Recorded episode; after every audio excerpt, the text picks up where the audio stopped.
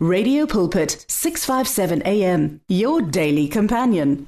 siyalochisa mlaleli wa Radio Pulpit egameni lenkosi yethu Jesu Kristu waseNazaretha sibonga kakhulu uNkulunkulu nanamhlanje for ukuthi asiphe ithuba elihle kangaka. Emoyeni ulochisa umfundisi Bongani Ivan wakwanduli eh ovela endaweni yasemachiding ebandleni iAnointed Gospel Church.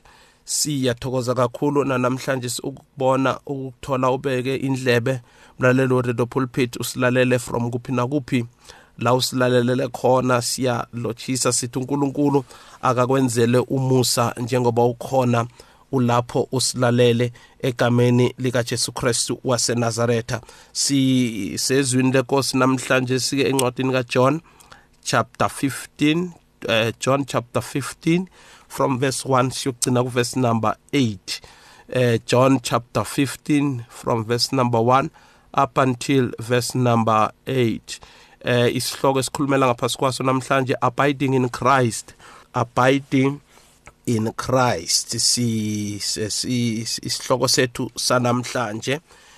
Eh siyayifunda ke mlaleli wa the pulpit I am the true vine. My father is a vine dresser every branch in me that does not bear fruit he takes away. And every branch that bears fruit he prunes that it may bear more fruit. You are clean. You are already clean because of the word which i have spoken to you. Abide in me and i in you as the branch cannot bear fruit of itself unless it abides in the vine neither can you unless you abide in me. I am the vine, you are the branches. He who abides in me and I in him bears much fruit, for without me you can do nothing. If any one does not uh, abide in me, he is cast out as a branch and is withered, and they gather them and throw them into the fire, and they are burned. If you abide in me, and my words abide in you, you will ask what you desire, and it will it shall be done to you. By this my Father is glorified that you bear much fruit. So you will be my disciples. So you will be my disciples. Yizwi lenkosi leli esilitholako mlalelo radio pulpit eh mamazwi kaJesu esiwafundako la namhlanje sike esithola uJesu kunguye yena uqobo lakhe owakhulumako awakhuluma kubafundi bakhe. Ngalesi sikhathi who were the recipients abantu bebamlalele ngalesi sikhathi akhuluma lamazwi eh abatshela wenza analogy yomuthi eh wenza isifaniso somuthi umuthi uba namagatsha uba nama fruits uba nakho konke so na ukhuluma lamagama uthi yena usidiribe kungiso ngiso true vine. Ubaba is a vine dresser. Now every branch na ku verse number 2 athi every branch in me that does not bear fruit he takes away. Every branch that bears uyayipruna then so that lingathela kakhulu. So now njengoba uthi uveza isiboniso somuthi ukuthi ke njengoba si yena awumuthi thina siba ngamagatsha siba ama branch phezu kwalomuthi kungamagama nasikuye uKristu sitshalwe kuye now siba kufanele sibe nezinto esizithelako sithele ama fruit we have to produce fruits akhombisa ukuthi sihlezi kuye. The into ekhombisa ukuthi we are connected to Jesus there must be fruits. Now if there are not fruits lithi iBhayibheli esingatheli the branch that does not bear fruit igatsha eh elingatheli inthelo liyakhathwa. Liyakhathwa the reason likhathwa it's because alina unthelo ngamanye amagama akukhonakali ube connected to Jesus and ungakhona ukuproduce ama fruits ekufanele ukuthi waproduce as long as you are connected to Jesus uhlezi uligatsha eliphuma kulo Jesu there must be fruits abakhona. Ngamanye amagama mlalelo repulpit usangiselalele lapha ekhaya as we are connected to Jesus njengoba si singamagatsha so there must be fruits. Ngamamagama uthi uJesu nakatshela abafundi bakhe abantu nabanibona the uniform abayonibona ngayo banibona nanithandana. People they will recognize you nabafuna ukunazi ukuthi ninge bami ngeqiniso bazonibona lokha nanithandanako. And uthando it's one of the fruits. Esinazo njengoba singabantwana bakaNkuluNkulu esizithola eh kuma are fruits of the spirit engifuna ukuthi ke siwa check lapha encwadini yabaseGalatia eh encwadini yabaGalatia isahluko sika 6 ivesi ngelika 22 ivesi ngelika 22 yes no it's chapter 5 chapter 5 verse number 22 lithi nakama fruits of the spirit but the fruit of the spirit is love. Ibala as number 1 besithi joy. Joy besithi peace sithi long suffering kindness goodness faithfulness.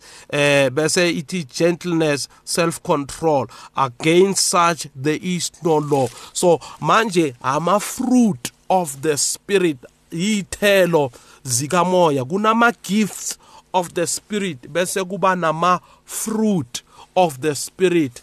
Gift of the spirit nama fruit of the spirit. Gift you are given siyanikelwa ama ama gift of the spirit. Mara ama fruits is ifruit into emilako. They are they are they are growing out of zimila phakathi kwethu ziyamila. Ngenxa yokuthi sihlezi kuNkulunkulu siyabantu abachutshwa umoya abahamba ngomoya. Now kunokuzokumila inthelo zikamoya. Now ama fruit izinto ezidliwako. Abantu bayazikhe bese bayazidla. So now uthando it's one of the things uJesu akhutshela abafundi bakhe ukuthi abantu bayonazi ukuthi ninge bami ngoba niyathandana nanithandana. So now la sifunda khona uthi njengoba sikhona kuye si connected siyama branch amagatsha akuye. Kufanele sithele iy'thelo sithele iy'thelo kube nama-fruit athelako ngoba sikukrestu ngoba sikukrestu kube nama-fruit so now kufanele kube nenthelo ezibonisako. Eh kanengi sibabantu sigijimela ama-gift of the spirit. Kunokuthi sigijimele ama-fruit of the spirit sigijimela ama-gift of the spirit singakabi nama-fruit of the spirit ukuthi kube nenthelo zokuthi usindisiwe. Akwazakala ukuthi usindisiwe njengomuntu okhuluma ukuthi you are the child of God. Uthengwe ngegazi lika Jesu uzibiza ukuthi you are a Christian you are Christ like but ama-fruit of the spirit. You don't have love. You don't have joy. You don't have peace. You don't have kindness. You don't have long suffering.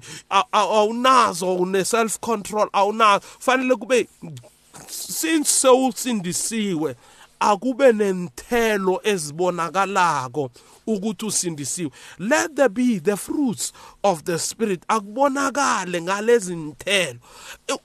Nangabe azibonakali lezithelo lithi iBhayibheli siyakhathwa lesi siyakhathwa kuyakhathwa leli gatsha ebese liyobo liyawoma nawungasekho kulo connected to Jesus uyoma then bese lelo taka selithathwa liyokuchiswa asingavumi ukulahlwa sikhitshwe e, e, in the connection kaNkulunkulu the connection noKristu Jesu. Let us remain lithi iBhayibheli abide. In me the abide in me. Uthi hlalani kimi verse number uh, 3 verse number 4 abide in me and I in you. As the branch uh, it cannot bear fruit. Angeke sikhole ukuthela lenthelo singasi connected kuye. Asikwazi ukuthi sithi siyakhonza siyaye enkonzweni day in and day out but we don't have ama fruits to show. As before singaba connected to the church elikhona ebandleni let us make sure ukuthi we are connected noJesu as the head of the church njengoba ayihloko yebandla. Kanenge abantu bayaba connected to amabandla amaningi but bangakabi connected to Jesu njengenkosi nomsindisi wempilo yakho. Then you belong to the church elikhona universal i church ekhona in your community. Them now connected kilo iba connected to the head of the church. They're now connected to the head of the church. Waba connected to the body. Elikhona elibandlo sikhonza kilo siba ne fellowship to one another. Abantu bayas nasihlangene noJesu. Lezinto zimila ngoba uJesu lo ukhona kithi uyasebenza uceda ikani uceda ungathanda abantu uceda whatever okukhona okuyimisebenzi yenyama.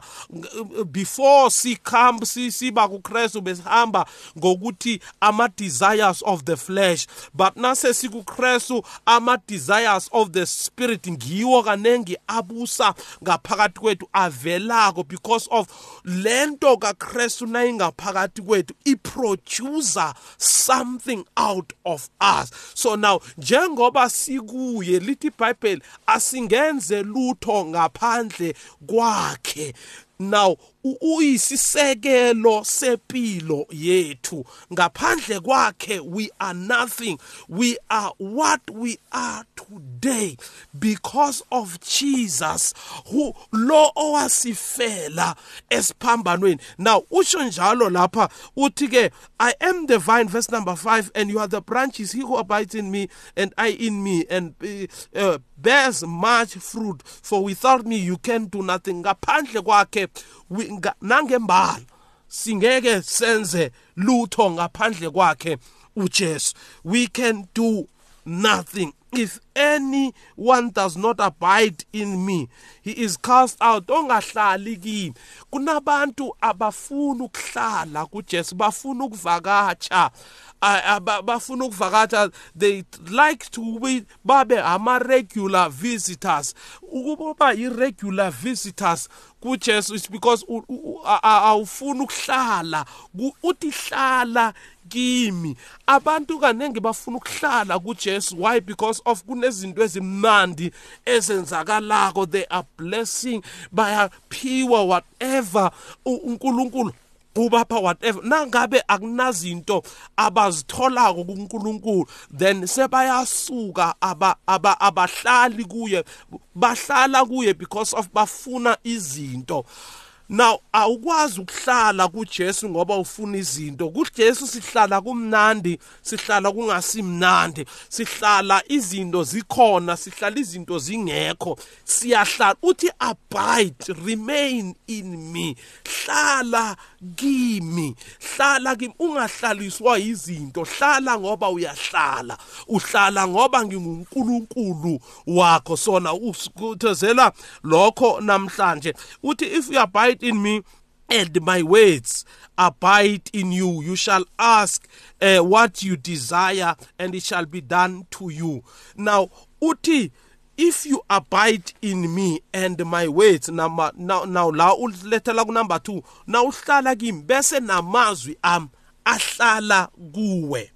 Uyokucela nanyana yini oyifunako uyakwenzela. Kanengi thina si- siya la ku number 3 siya siyacela singakahlali. Now ukucela ungakahlali. Now that's why as some of the things azenzakali empilweni. Uthi hey ngiyathandaza but izinto azenzakali. Are you abiding in Christ? Is your his word abiding in you? Izwi lakuthi if you abide in me and my words abide in you. You shall ask whatever you want and it shall be done to you. Now ukuhlala kuKristu ebese namazwi akhe ahlala kuwe. Then uyokhona ukubawa nanyana yini? Ukubawa uyokubawa ngoba une connection naye uKristu. Eh namhlanje sikhuthaza eh umlaleli we radio pulpit lapho usekhaya. Sithi njengoba sikuKristu akube nenthelo ezivelako. Akube nenthelo ezivelako ukukhombisa ukuthi uhlezi kuye. And inthelo zizokuvela nawuhlezi but naselo ujampa jampa ngesikhathi lesi ukhona ngesikhathi awukho ngesikhathi esinye ukhona ngesikhathi esinye awukho then ukuba up and down. Kukwenza ukuthi ungabi nestability kukwenza ukuthi kungabi nama fruits aproducekako empilweni yakho okukhombisa ukuthi uhlezi. Lezinto lezi zifanele zivele zitholakale kunzala ebengikhuluma ngawo ama nine fruits of the spirit abekhona to each and every christian ethi yena uJesu uyinkosi nomsindisi wempilo yakhe. Then ebese ke uyothi na ubawa kuNkulunkulu asikwazi ukubawa singakahlali. Now kanengi sifuna ukuhlala kuNkulunkulu nakasenzela izinto. You cannot ask whatever you desire and you shall get it. Why? Because of uhlezi kuye. Now namezwi akhe ahlezi kuye. Bese verse number 8 athi by this my father is glorified that you bear much fruit. Now uNkulunkulu uyakhazinyuliswa. God is being glorified ngalokhu. Ukuthi nina you are producing fruit. God is glorified. Hayi na uthenga ikoloyi hayi na unana na unemali eningi god is glorified ngokuthi si sisithela inthelo and uh, we are not just producing fruit but much fruit inthelo ezinengi nengi. Bazalwane ake sibuyeni siye kuma basics wokukholwa. Sazi ukuthi ukukholwa kahle kahle akusikuthi eh unemoto enhle unemali eningi unendlu enkulu. No no no no no no but lithi bible god is glorified. Nasithela inthelo siba nothando sithanda abantu si sine self control sizithi siyazithiba kunezinto esingayi kizo. Why? Because of siyazithiba self control sine kindness sinojabulo joy of the lord is your strength. Now ujabula you have joy ijoy unayo izinto zikhona kumnandi kungasimnandi you have the joy of the lord in you. Ujabulila ujabuliswa ukuthi uyasebenza ujabuliswa ukuthi unobudlelwano noNkulunkulu. Now when we bear much fruit leyithelo lezi ngobunengi bazo sizithela lithi iBhayibheli God is glorified ngalokho ukuthi we bear much fruit si producer the fruit of the spirit. Nasihlala abiding in Christ. Lento yokuthi yephasi naphezulu angeke ikusebenzele. Hlala kuNkulunkulu. Abide in Christ. Remain. Ungathi don't abide because uthola izinto. Don't abide ngoba kunezinto zenzelwa zona. Abide in Christ. Irrespective of the situation usonelwe kumnandi akusimnandi. Abide. In God asihlaleli kuKristu ngoba sisiza ubumnandi sihlala kungasimnandi. In each and every situation we remain in Christ. Namhlanje i challenge umlaleli we radio pulpit useselapha ekhaya ukuthi remain in Christ abide in him. Abide nguye ukuphila kwethu nguye izolo nguye our solution nguye ukuphila kwethu. Ake bese siyathandaza. Father we thank you for your word. Liphilile linamandla nanamhlanje siyathandaza ukuthi uNkulunkulu onamandla onke the abidance ukuhlala kuwe ukuhlala kuye lo Kristu. Siyakuthandazela kuloyo naloyo osasilalele asekhaya. Siyathandaza sithandazela amandla okuhlala amandla okuhlala kuKristu. Ngelihle igama lomfelo wethu uJesu Kristu waseNazaretha. Nakama number kamfundisi uNduli 076027 0799 076 027 0799 ngiyatholakala kiwo uNkulunkulu akubusise mlaleli weRadio Pulpit in Jesus name amen The words of the Lord are words of life. Your heart is on 657 AM. 657 AM. Radio for believers in action.